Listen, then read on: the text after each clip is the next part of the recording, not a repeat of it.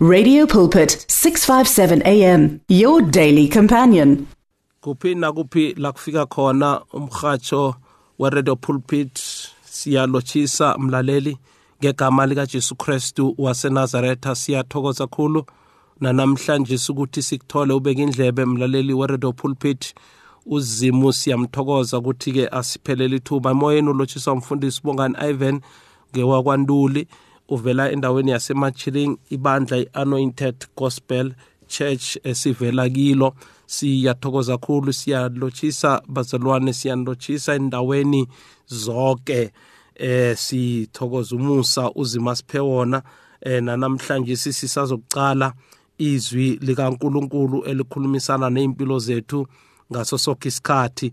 Sisencwadini ke mlaleli we-radio pulpit eh yaka John John chapter 4 isahluko sika 4 sika John. John chapter 4 si ku verse number 39 ukuya ku verse number 42 siyofunda from verse number 39 39 eh bese siyogcina ku verse number 42 yilama verse esizobe siwa siwafunda namhlanje simlaleli we-radio pulpit eh singalifunda ke namhlanje and many of the samaritans of that city believed in him because of the word of the woman who testified. He told me all that i ever did. So when the samaritans had come to him they urged him to stay with them and he stayed there 2 days and many more believed because of of his own word then they said to the woman now we believe not because of what you said for we ourselves have heard him and we know that this is indeed the Christ the savior of the world. Now sithola ke eh, izwi leli lenkosi eh bazalwane encwadini kaJohn chapter 4 verse number 20 eh 39 ukuya ku verse number 42 it's about Samaritan woman eh noJesu labahlangana khona. Eh isihloko sami sanamhlanje ngikhulumela ngaphasi kwaso sithi an encounter with Jesus an experience with Jesus ukuhlangana noJesu. Siyakhumbula bazalwane lencwadi nayithoma uJesu bekunendawo ebekaya kiyo bekaya eGalilee eGalileya eh so manje bekasuka eJudiya aya eGalile. So namanje nakaya eGalile lithi iBhayibheli nawufunda from amavesi wokuthoma izothi kwakufanele ukuthi adlule eSamaria yena usuka eJudiya bekaya eGalilee so but lithi iBhayibheli bekufanele ukuthi adlule eSamaria so nakafika eSamaria ufika eh, emlanjeni. Ufike uyahlala abafundi bakhe bayakhamba bayokuthenga ukudla. He was sitting alone. Hlanu kwalo kwalo kwalomthombo or isiziba ebekakiso isiziba sisibize ngesiziba. So manje sike bakhamba abafundi bakhe nakahlezi lapho kunomfazi weSamaria osuka eh eSamaria eza khona elokanjini emlanjeni azokukhamanzi so nakafika lapha emlanjeni uyabona kunendoda ekhona lapha ihlezi khona lapha. So nona ihleziko uJesu am-approach kokuthoma akhulume naye athi ubawa ukuthi amphe amanzi akwazi ukuthi asele. Hayi ke akhulume athi noma eh ngokuya kwethu eh thina sinamajuda asithelelani amanzi. There's no relation akunabudlelwano between these two tribes. Amajuda namasamariya. So manje angeke ngikhona ukuthi ngikhelele amanzi because of kunobutha obukhona phakathi kwelezi zizwe ezimbili.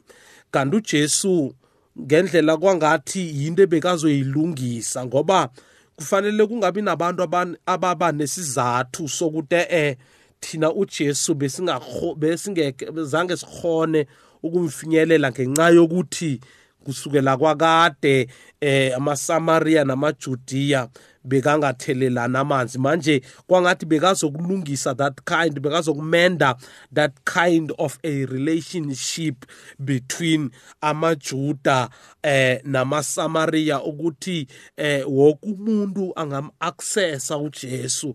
Akunandaba ukuthi kwenzakaleni in the past but wonke umuntu angam-accessa uJesu. Manje sike the more bakhuluma eh uJesu achat noma eh lo athi kuyafana unayo into yokukha eh bengiza kukhela ke mara ke uJesu athi eh ingathana bewazi ukuthi ukhuluma nobani.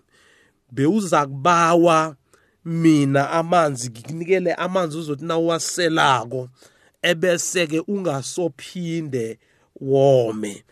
Wesifazane uzitshela ukuthi ukhuluma ngamanzi literally kanti uJesu ikulumakhe seyithethe another dimension seyithethe another dimension akasakhulumi ngamanzi phese but sekakhuluma ngokuthi kunento eh angayenza ngaphakathi kwakhe angayilungisa angayifixa ngaphakathi kwakhe umphefumulo wakhe alungise ingaphakathi lakhe. Ngoba uJesu nakangena nakafike empilweni zethu ulungisa ingaphakathi kwethu ulungisa the soul the soul in us.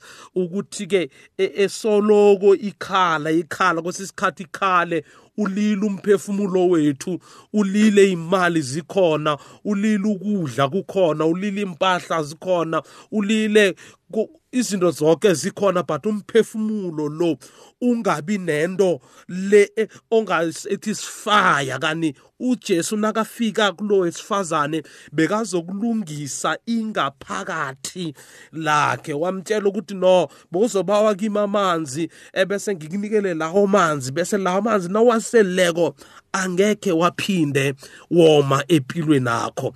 Kanti no umtshela ngerelationship angaba nayo naye. So now manje the more bakhuluma akhulume ukuthi ke akhulume ukuthi no eh uphi ubaba kwakho amtshela ukuthi hey anginaye athi ukhulume kahle because of nalo ohlala naye akusiyo wakho. Like kwangathi lo sifazane beka umuntu oyiprostitute othengisa ngomzimba. So nawuthi ukuthi in her community bayamazi i-lifestyle yakhe. So now uyabona uJesu ucommunicator nomuntu akanenge abantu abanjalo abantu eh babaqala ngelinye ilihla bafuna uku-associate nabo. Why? Because of eh, eh aba abakamkeleki emphakathini ngenxa yento abayenzako. So namanje uJesu ukukhuluma kwakhe naye eh was bringing the light in her ukuthi yemtele alungiseke kusolveke nale metha yokuthi asolo ayiprostitute aphume kiyo angene ekuphileni okunaphakade so now konke uJesu akukhulume naye eh kwamenza wesifazana lo kwagcine seka lento seyingena ngaphakathi. Nawunojesu kunento engenako. Uyabona njengoba sikhuluma ngezwi lakhe so the more sikhuluma ngalo kunento eyenzakalako ngaphakathi kwethu. Lithi ibhayibheli lona ibhayibheli lithi it does not return. Uthi my word shall not return empty voided empty without it shall accomplish what I sent it to. Uzimu izwi lakhe ulithumile walithumela ulithumela lifanele lenze okuthize. Maye nakakhuluma naye uJesu the more akhuluma naye lelizwi belenza okuthize ngaphakathi kwakhe.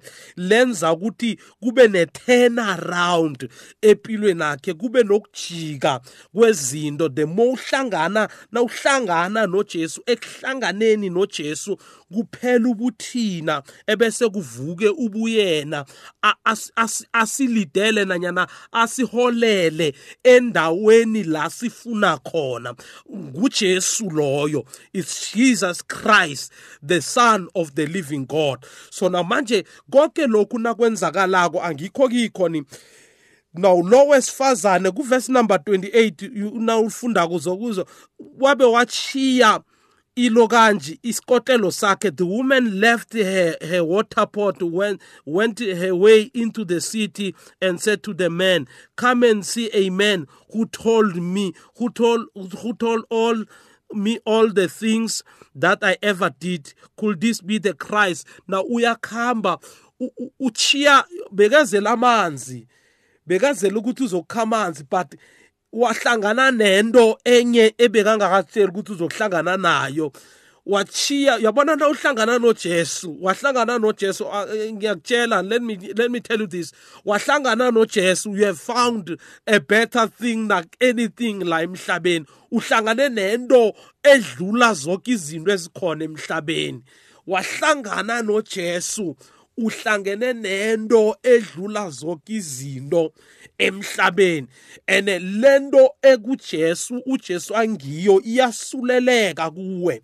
Nakanjani ngoba uhlangene naye uhlangene nomdala weinsuku uhlangene negadlangadla uhlangene nedwala lapha kade uzimu ongabhalelwa uzimu okhonako uzimu owenza imangaliso. So namanje ulahla ilo kanje iko nanyana i-water pot le ebekaze ngayo uyakhamba uyokutshela abantu ukuthi hey izani nizokubona umuntu ongitshele konke kungaba nguKristu lona. Ukuthi bekamemezele emphakathini arasa because angeke uthule uJesu nakakwenza. Once nento akwenzele yona ngakho kulomhlabelelo osuhlabela ukuthi ungabothula uma uThixo kwenzela izinto ezihle ngoba lento lena ifika uyabona ukuthi uJesu into bekayizele la it's very much important ukuthi uzoguqula impilo yomuntu. It's what we are. So namanje la sithoma sifunda khona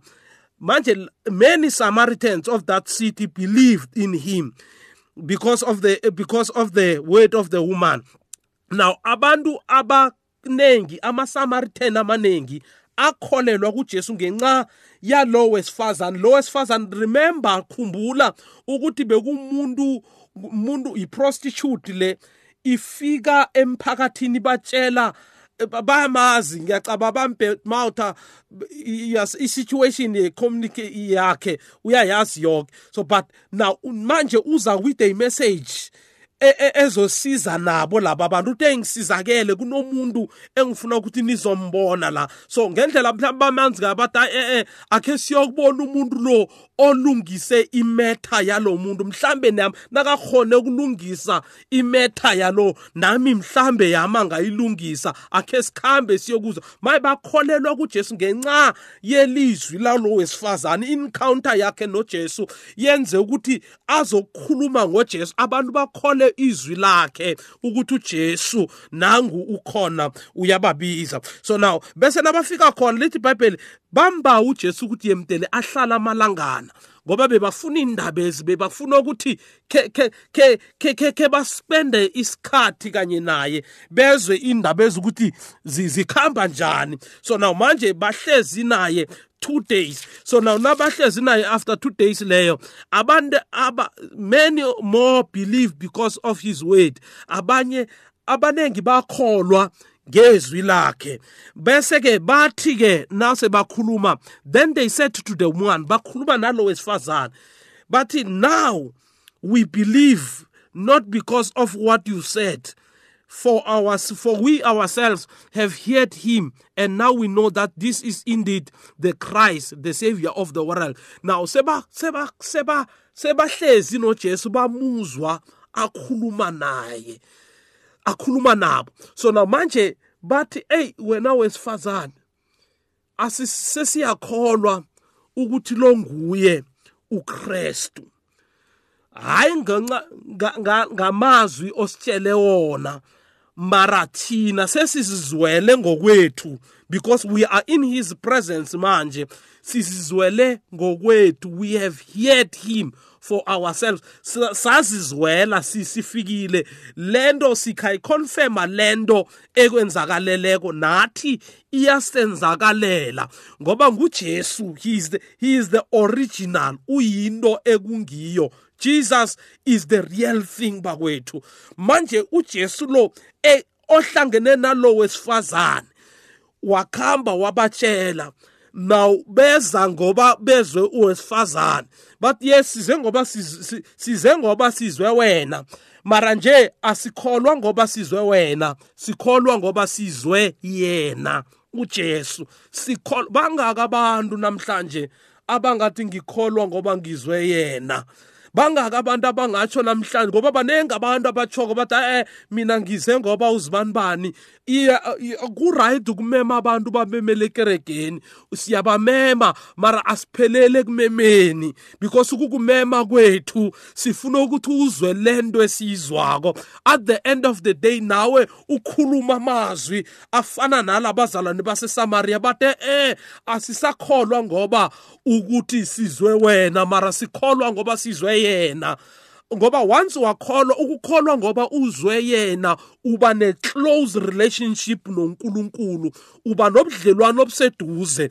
Bokuthi nanoma kuza umoya nanoma kuzinwuruwuru uyahlala because of uzwe yena kwezwa abantu uzwe yena amazwi akhe ahlala ngaphakathi kwakho. Akwenza ukuthi ufana njengalo uJesu athi ukhulumela amazwi wathi abazwa amazwi wami ebese bayawenza. Bafana nomuntu owathi nakakha indlu yakhe wayakha edwaleni. Abawezwako bese bangawenzi bafaniswa nomuntu wakha indlu yakhe ayakha esanteni nakufika imphepho zabetha le ukuwa kwendlu le esesanteni ukuwa kwakhona kwaba kukhulu. Mara le eyakhwe edwaleni azange iwe. Yini indaba na? Ama yakhe isisekelo sayo sise sise sisedwaleni. Manje sike uyabona ukuthi labantu nabo bezwe kuJesu bazwa amazwi akhe. Now nabezwa amazwi akhe bawaphutha into practice. Ukuzizwela kuJesu ebese uthatha amazwi akhe uwaphuthe into practice. Wakha indlu yakho edwaleni. Akunasiphepho esiyokuwisa.